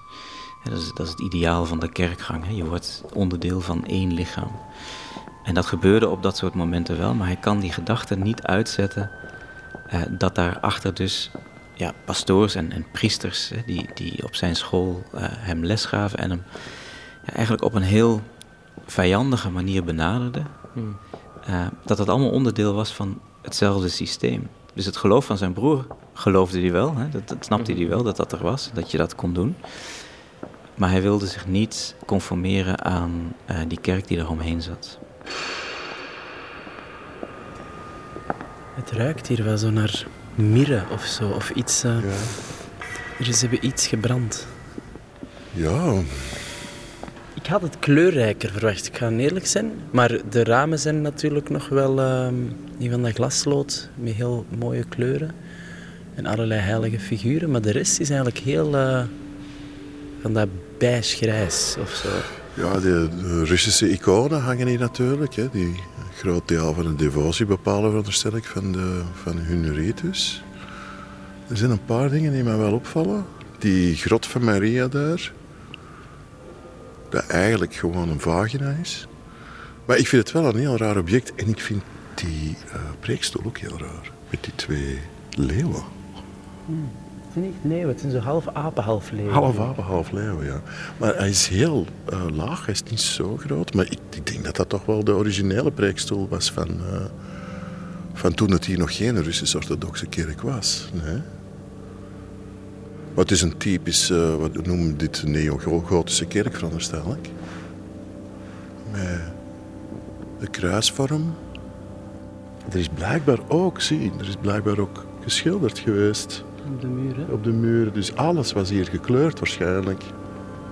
Het is altijd een beetje de vraag, hè, geloofde Paul van Ostaaien? Ja, ik denk voor een deel wel. Of in ieder geval was hij heel erg uh, beïnvloed door die manier van denken waar noodzakelijkerwijs helemaal bovenaan een god staat. Maar wat de invulling van die god is, dat, dat is een beetje moeilijk te bepalen. Hij was zeker niet kerkelijk. Okay, Golgotha. Indien de waarheid daar is, waar mijn broeder ze mij toonde, wijle mijn broeder Pieter Floris, hij was student in de theologie aan een Rooms-Katholiek seminarie. Indien het Godszoon is die ging ter Golgotha en zijn goddelijke droefenis was de menselijke bevrijdenis, dan is het Vlaamse volk Gods uitverkoren volk, omdat het ging als de goddelijke vrucht uit Davids huis geboren, zijn steile Golgotha gekruisigd werd en in de dood behuizigd. Maar God was in zijn zoon de goddelijkheid van de herrijzenis. Zo zal ook God zijn in onze strijd tot de bevrijdenis. Wauw. Stevig, hè? Ja. Er zit echt wel een, een religieuze. Ik weet niet of dat hem het serieus neemt of niet. Ik weet niet of dat Ja, Is dit nu satire of is dit... Of is dit...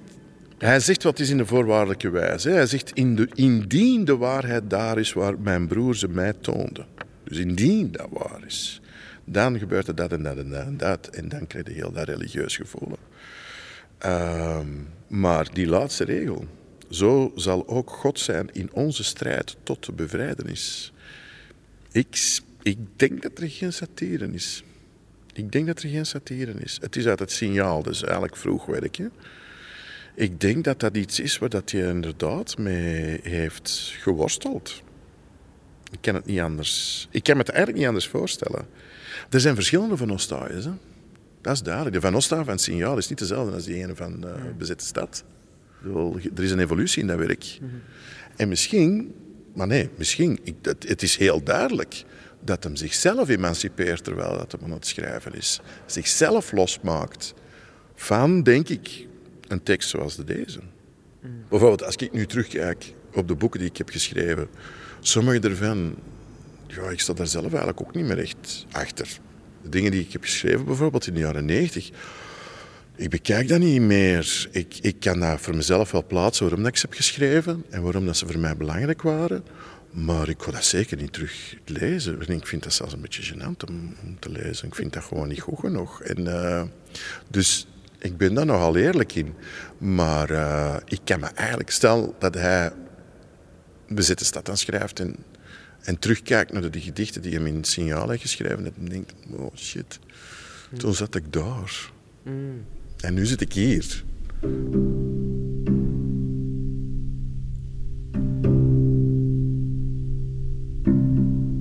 Sous les ponts de Paris. Van alle plaatsen waar jij uitgestald zijt over de bezitte stad schrijdt uw triestigheid. Men heeft u aan alle hoeken opgehangen om in een offerblok centen te vangen. Nog hebt gij de communie met het volk gevonden. Het steekt zijn armen in uw warme wonden. We steken ons handen in uw wonden. Doof en blind zijn wij in ongeloof. Priesters en papen hebben uw kadaver geschonden. Geleerd te geloven, ons tasten de handen, uw wonden. Men heeft uw kerken gebouwd. Van de wanden zeikt het zilver en goud. Ons geloof is zo klein en zo mat als voor uw beelden de dansende vlam. Aan elke hoek werd gij uitgestald, harlekijn van goedzakkigheid en begrijpelijke pijn. Gij zijt weer onder ons in al uw beelden. één met de bezette stad. Uw wenen maakt een put in de steen. Gij zijt herworden onder ons, gepijnigde harlekijn. Uw moeder een schrijer, geschokte slons. We kunnen slechts zien één God, gelijk een harlekijn. Onze tijd is zo zat van leed en van pijn. Wow. Dat is... Dat is wel iets anders. Je voelt dat, hè? Je voelt echt hoe krachtig dat dat is. Gepijnigde harlekijn. Uw moeder een schrijen, geschokte slons. Gaat over Maria, hè? Over de heilige maagd. Nee, deze is wel... Het is wel een shocker. Eh, ik vind dat nog altijd shock. Ik vind dat nog altijd een shocker. Ik bedoel, je moet maar even denken over de tijd waarin hij zit, waar dat we nou een beetje waarschijnlijk... Allee, we zullen het wel niet helemaal vatten, veronderstel ik, die een tijd, maar toch vrij behoudsgezind en dan krijg je dit. Ehm, en wat mij ook opvalt, is dat hem Christus de dans eigenlijk laat omspringen. Hij beledigt hem. Hij zegt, je bent een harlekijn. Maar eigenlijk zegt hem, zij hebben een harlekijn van u gemaakt. Maar eigenlijk zit jij geen harlekijn. Eigenlijk, misschien zeg jij wel inderdaad die bevrijder. Zo heb ik Christus ook altijd begrepen. Als de, ja, de original rebel. Die de boel op stel te zetten. Ik heb dat altijd op die manier begrepen. Maar ik begreep, als kind, hè, maar ik begreep dan niet dat die rebelse boodschap door priesters werd gebracht, waar ik die ik stuk voor stuk oftewel idiots vond, of suspect. Als hij dan toch een paar seculiere kerken aanwijst in, in, eh, in de stad, hè, dan, dan zijn het wellicht de, de music halls, waar mensen ook bij elkaar zijn. En, en de grote hoop die hij dan uitspreekt is dat die mensen ook bij elkaar komen. En In, in music hall heet het, dus die eerste bundel, heet het zelfs eh, mensen gaan ter music hall. En dat ter, dat, dat gebruik je eigenlijk alleen maar, mensen gaan ter kerken. Dus aan het eind van het gedicht in de bundel Music Hall, maar hij doet het natuurlijk nog een keertje over in Bezette Stad. Daar heb je ook een reeks gedichten die Music Hall heten. Ehm, en daar gebeurt eigenlijk altijd hetzelfde. Hè. Er, er wordt een soort van gemeenschap eh, geschapen. Dus de mensen die voelen zich heel even onderdeel van dezelfde beweging. En dan gebeurt er iets waardoor ja, de voorstelling eigenlijk stil komt te liggen. En mensen uit hun betovering eh, glijden en dan weer hun eigen levens eh, gaan, gaan leiden. Het lijkt mij ook een drang naar verbinding gewoon. Ja, ja zeker. Dat hij zich niet echt verbonden voelde met de tijd en met de mensen van die tijd. Ik denk wel met de tijd, maar niet met de mensen van die tijd. En ja. dan wel een paar mensen vond en daar zoiets had Ja. van, maar laat ons dan toch gewoon... Ja, en dat is, dat is misschien wel het lot van eh, de avant-gardiste, degene die dus letterlijk voorop loopt. En in het geval van Van Ostaaien eh, ja, af en toe achterom kijkt en merkt dat eh, de massa uit zicht is verdwenen. Wake up! Ja.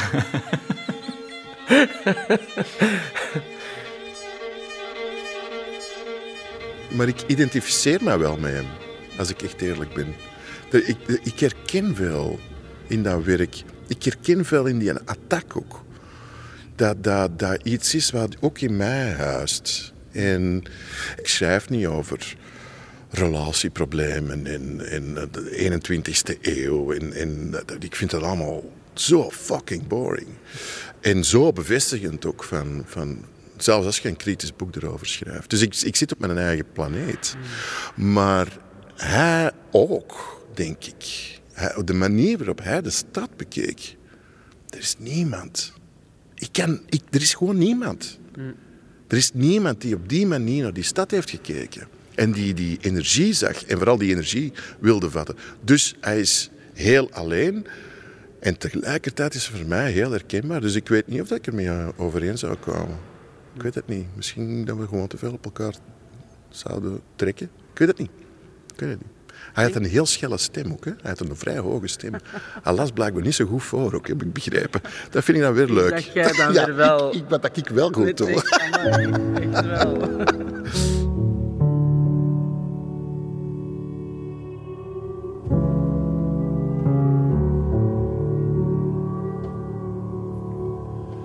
I need another place.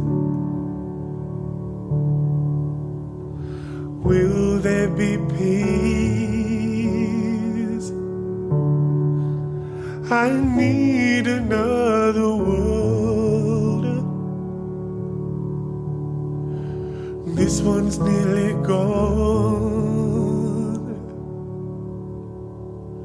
Still have too many dreams.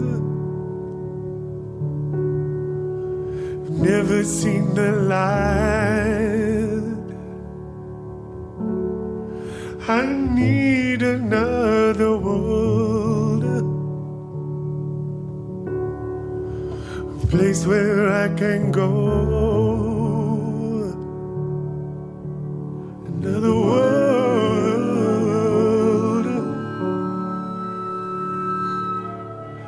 Another world.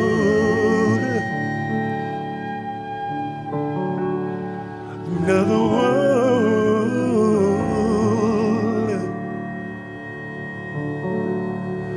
Another world.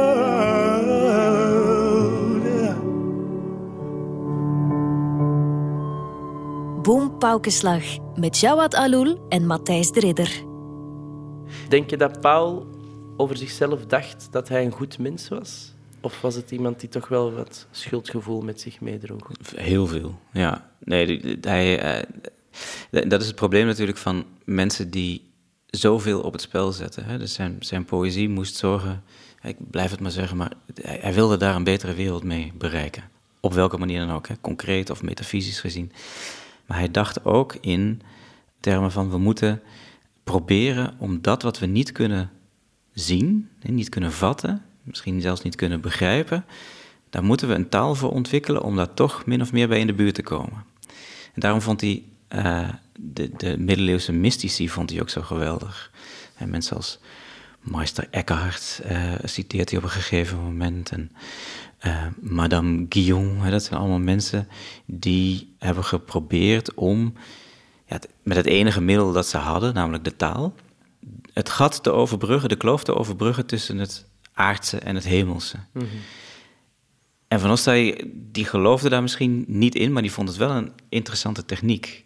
Het is, het is meer het aanvoelen van, er is nog iets anders. Er staan witte hoeven achter de zoom.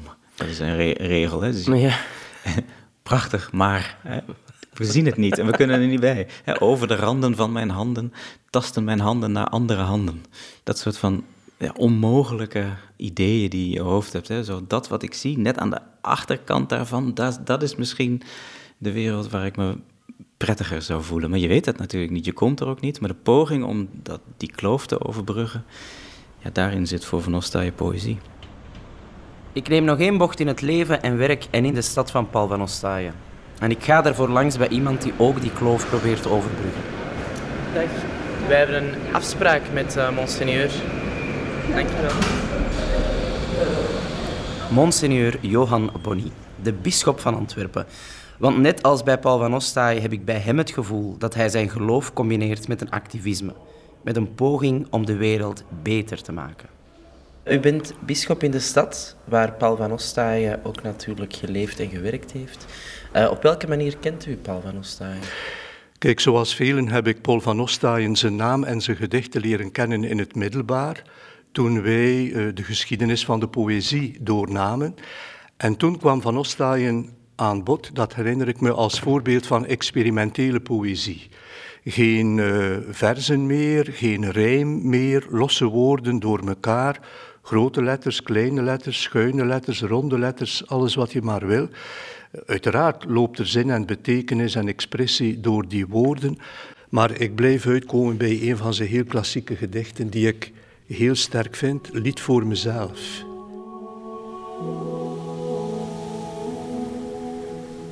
Mijn Heer, mijn schip is op de zee. Ik vraag u niet, laat kalm zijn de baren nu. Wie klaagt, draagt hij niet met zich mee. Bestendig een poel die eens zich sluiten zal over zijn hoofd. Mijn schip zal niet liggen blijven aan de ree, te luisteren naar het spelen meeën van der tijden eb en vloed. Niet onder moroze regenzegen, noch onder zonnevree. Mijn schip moet in de storm mee op zee. Ja, we zien ook in heel veel gedichten van Van Ostaaien dat hij, als hij kritiek dan geeft op die katholieke kerk, dat hij de figuur van Christus daarbij buiten spel zet. Uh, dat hij met andere woorden het geloof losmaakt van het instituut van de kerk. Kan u dat begrijpen? Ja, dat is gezond. Dat is gezond. Hij heeft zijn onderwijs ten dele gelopen bij de Jezuïeten. En ik denk dat de Jezuïeten hem dat geleerd hebben. Terecht. Christus is er niet voor de kerk, maar de kerk is er voor Christus. Mm. Dat wil zeggen, er is een bron, er is een norm, er is een inspiratie en dat is Jezus Christus. En de kerk moet zich voortdurend meten, kritisch beoordelen in het licht van wie Hij is. En dat is een oefening waar de kerk in elke periode door moet, maar waar eigenlijk ook elke katholiek moet blijven doorgaan. Want ja, dat is ook ehm, ineens een, een, een, bruggetje naar de reden waarom ik eigenlijk met u wilde spreken. Omdat er uh, heel veel kritiek nog steeds komt als het gaat over homoseksualiteit. Van de kerk of van het Vaticaan dan eerder. Ehm, en daar had u toch ook een, een, een warme reactie op gegeven. Uh, afgelopen jaar. Het is echt een mengeling van emoties, kwaad, boos, ontgoocheld. En je kan niet over deze thema's over heel de wereld klak hetzelfde zeggen, zeker als het dan nog massief negatief is. Heeft dat gevolgen eigenlijk als jij inderdaad zegt van ik ga hier toch nuance inbrengen in dit standpunt? Uh, dat heeft gevolgen. Maar voor het gevolgen heeft, heeft het voor mij te maken met verantwoordelijkheid. Hmm. Dus als je iedere keer je verantwoordelijkheid afmeet aan mogelijke gevolgen, ja, dan kom je nooit uit je stoel hè?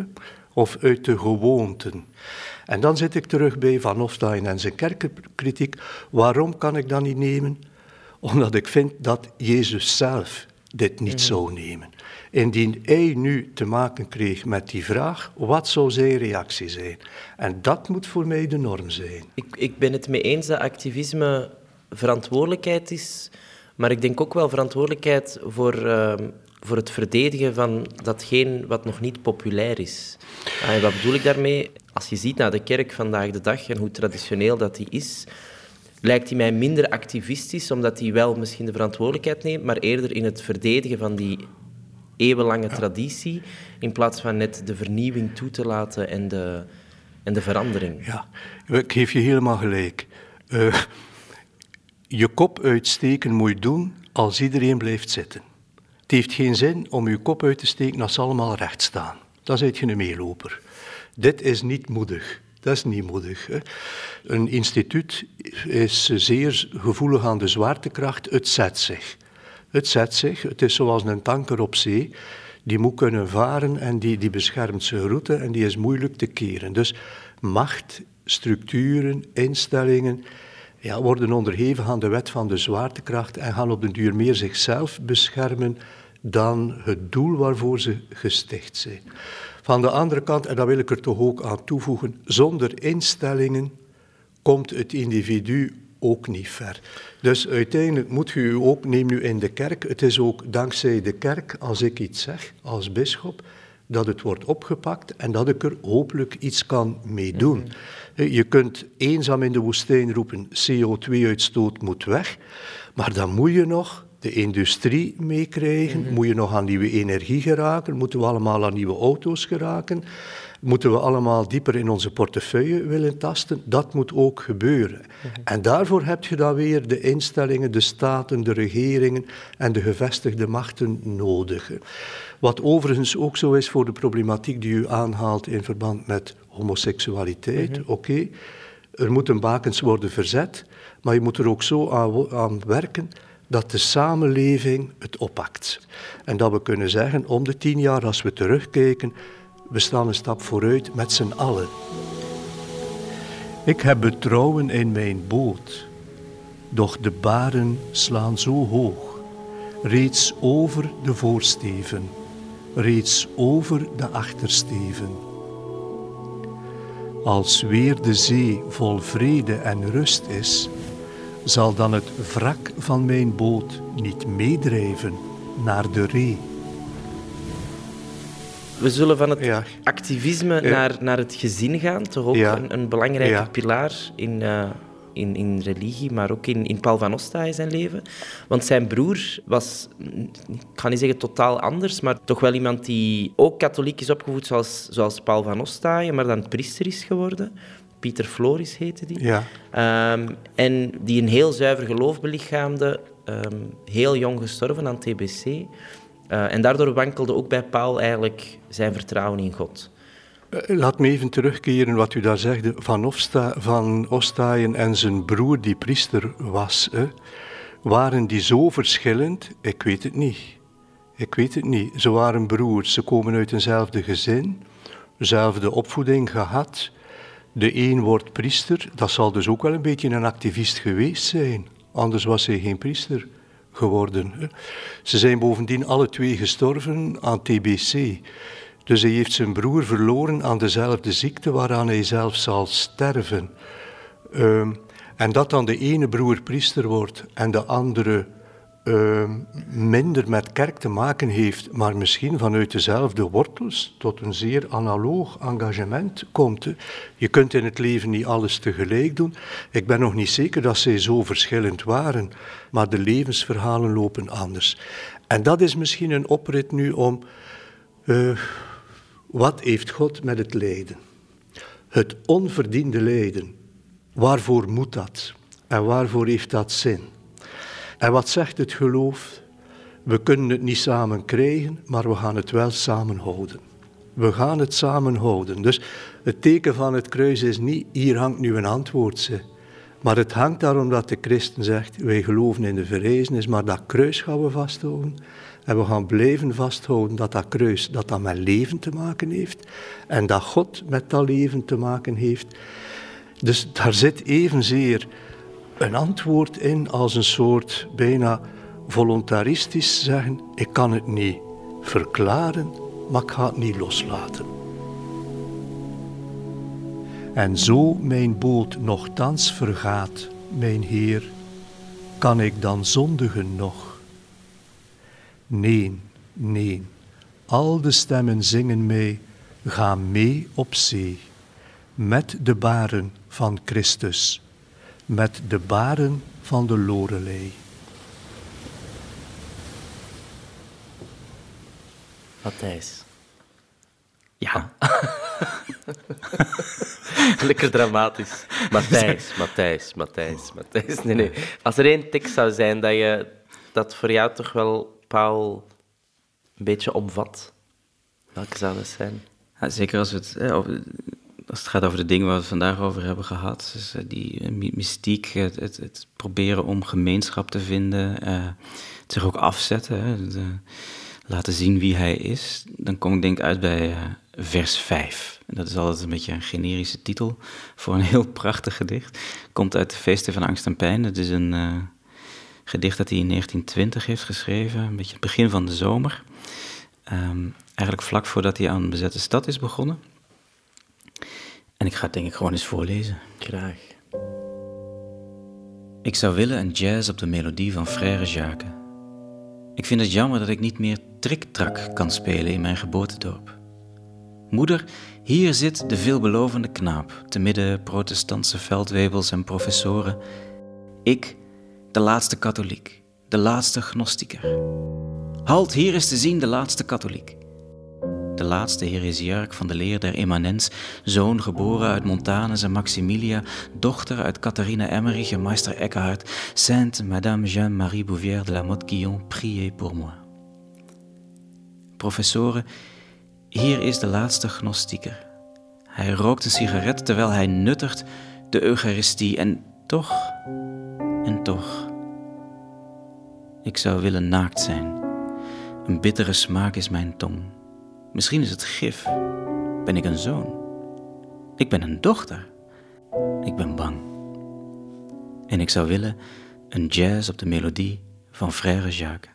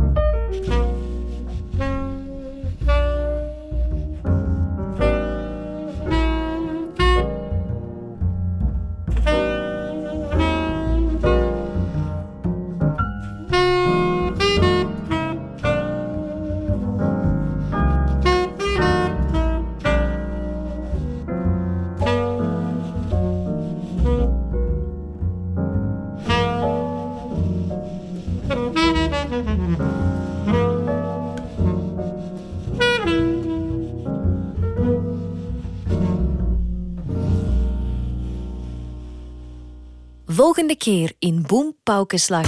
Van Osta is een van die mensen die en naar het café gaat en, en naar de bibliotheek gaat. Ik ben daar op school ook gewoon veel mee geteisterd met Paul van Staaien. Een tamelijk onmogelijke figuur. Hè? Iemand met wie het heel moeilijk vriendschap behouden was. Als Van Ostaaien deel zou zijn van een activistische beweging zoals we dat vandaag kennen, welke zou het dan zijn? Wel, de jongen van Ostaaien, uh, zoiets als uh, Extension Rebellion. Die notie van verzet, dat je iets moet doen om de gevestigde orde en de gevestigde normen en waarden in vraag te stellen. Look at my eyes!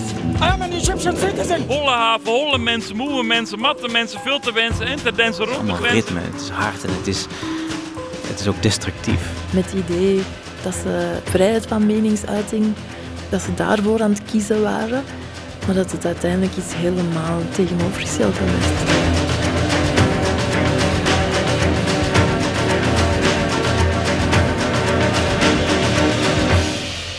te vertalen van Ostaaien? Valt dat te vertalen? Nou ja, uiteindelijk valt alles te vertalen. Oké. Okay. Dit was een podcast van Clara en Vlaams-Nederlands Huis De Buren.